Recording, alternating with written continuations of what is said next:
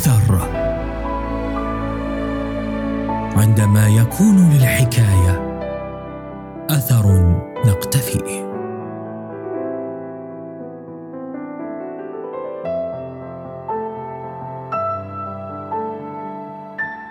المزامير هذه نحن كنا نقولها بالقامشلي عبيد كنا اللي فرعون بمصر وخرجنا الله إلهنا من تام بيد شديدة بطرع المندود. ولو خرجنا المقدس تباركهم من مصر لكننا لسه كنا نكون نحن وابنين وابنين بنينا مستخدمين. كنا اللي فرعون بمصر. حنين ودموع لهفه واشتياق. كأنهم عشاق.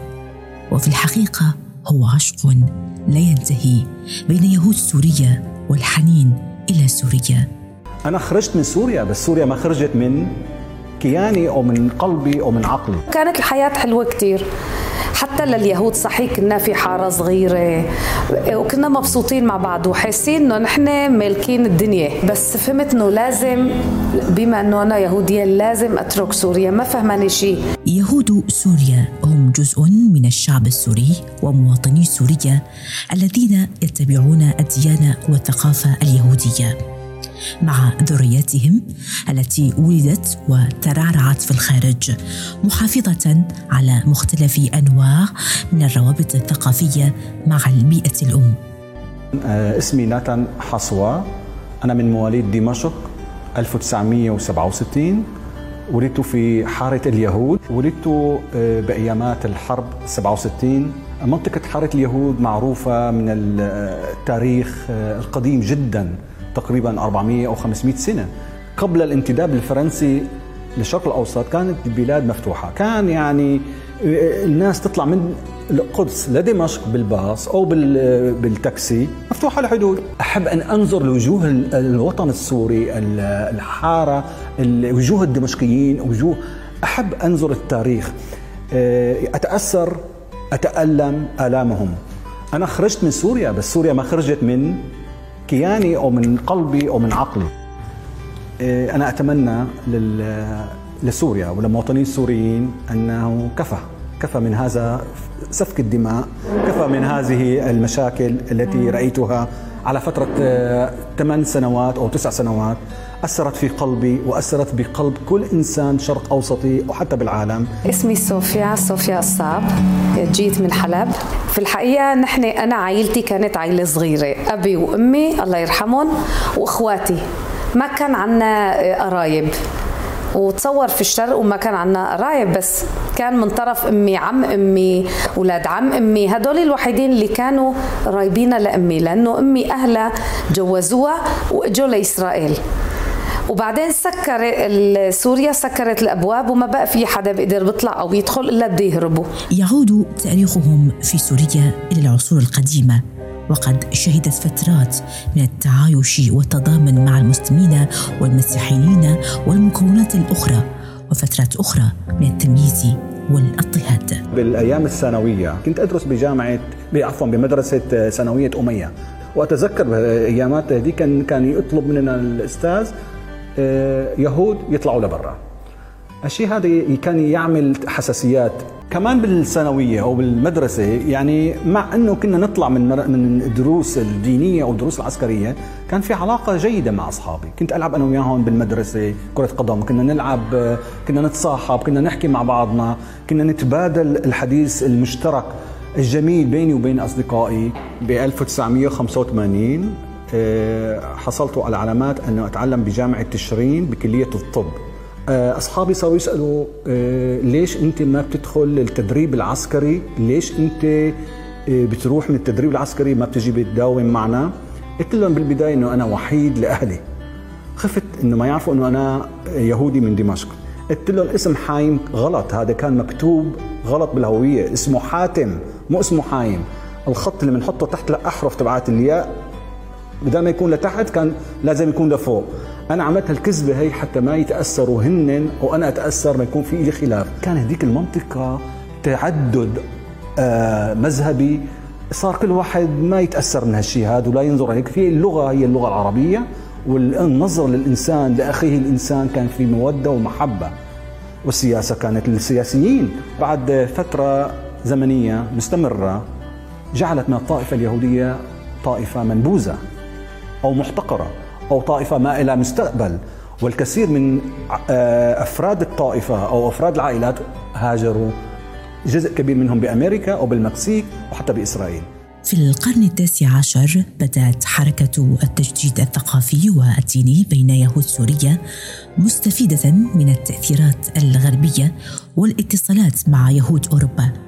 كان للحاخامات والمثقفين دور بارز في تطوير المدارس والصحف والجمعيات الخيرية للجاليه كان بعض يهود سوريا أيضا نشطين في المشهد السياسي سواء كان ذلك في دعم حركة التحرير الوطنية أو في المشاركة في المؤسسات الحكومية. إن كان جدي والد والدي كان يأتي من دمشق إلى إسرائيل لهالمنطقة هي لخضيرة كان يشتغل بشركة سوليل بونيل كان يجي وكان يشتغل بهالمنطقة ويرجع لدمشق.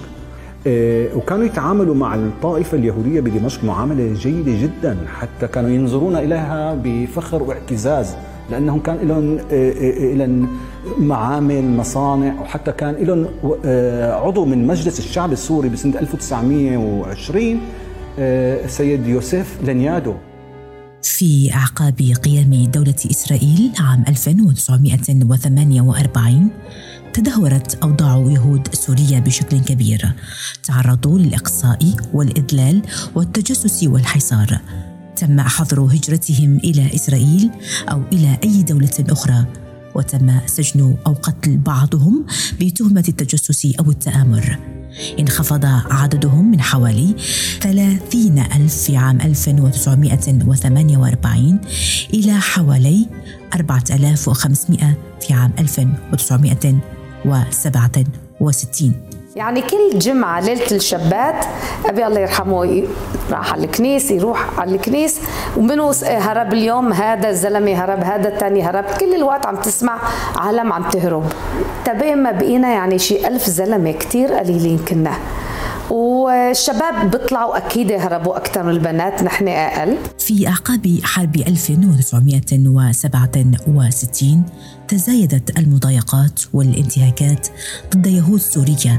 تم تجميد أصولهم وإغلاق مؤسساتهم وحظر نشاطاتهم الدينية.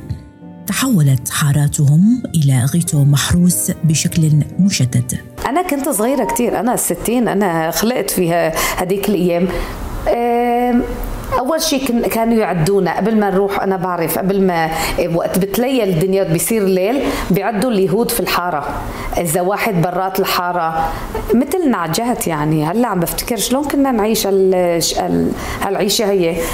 إيه، بعدين كل شيء نحن ما مسموح لنا نشتغل في أي شغل في الحكومة. إيه، ممنوع أكيد ممنوع ننتخب. كثير شغلات ممنوعين منهم نحن واللي ما عنده أنا عم بفتكر أبي الله يرحمه نحن خمس أولاد كلياتنا تعلمنا مدارس خاصة واللي ما عنده مصاري ما بقدر بدرس لأنه زمان جيت على المدرسة 14 يوم حساب الشباتوت والعياد أكثر بكثير من 14 يوم صار. إيه، ما يعني إيه، الفرق إنه بفتكر أسد شافنا نحن رهائن في إيده. كثير شغلات أنا مو كثير انتبهت ليش كبنت في البيت كنت ما كنت ربة البيت.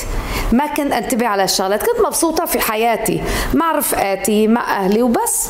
هذا بس أكيد كان عندي عائلة كبيرة كثير هون في إسرائيل ما كنت بعرفهم. والحياة لبعدين هلا بفتكر كأم أنا. شلون كان حياتنا بدها تكمل مع نحن لازم ناخذ نتجوز يهود. ما كان في اضطروا إلى حمل بطاقات هوية خاصة تحدد ديانتهم. تزامن ذلك مع جهود سرية لإنقاذ يهود سوريا عبر تهريبهم إلى تركيا أو لبنان أو إسرائيل بالتعاون مع جهات خارجية مثل المخابرات الإسرائيلية أو المنظمات الإنسانية. في الثمانين صارت مشاكل مشاكل سياسية ضد الأسد. أحلى من كان بلدنا كانت كتير هادية يعني بتقدر تترك الباب مفتوح ما حدا بيقول لك شيء. أحلى من كان ضرب وقتل وما طلعنا من بيتنا جمعتين. أول شيء إذا ساووا مشاكل.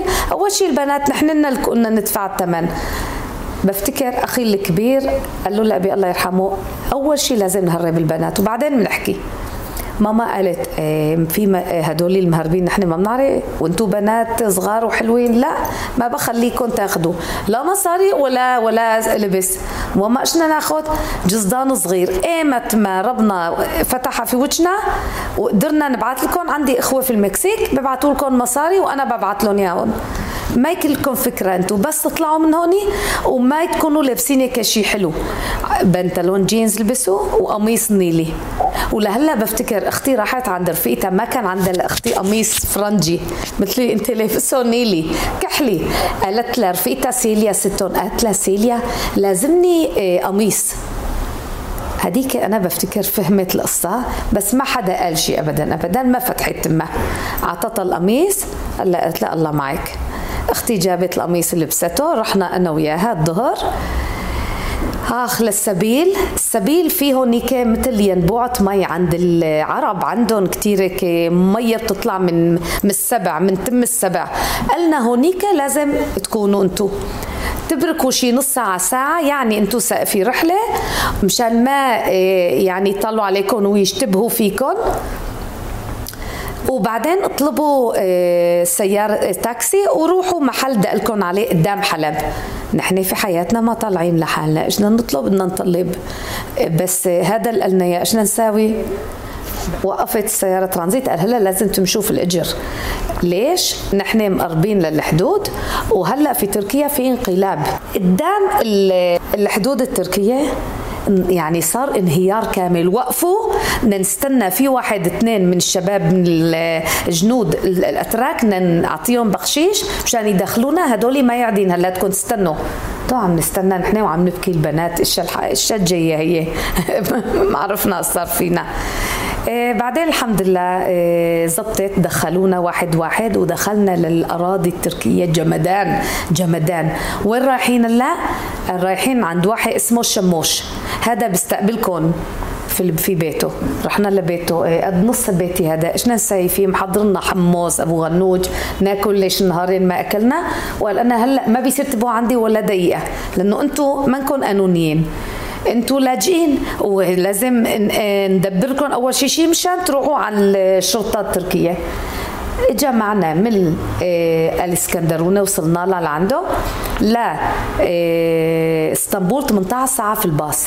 والفرق إذا طلعوا بما إنه صار في انقلاب إذا طلعوا الجنود لهونيك من هدول ما بعرف الله رحمنا ما سألوه ما بعرف ما بنعرف كنا نحكي شيء ابدا.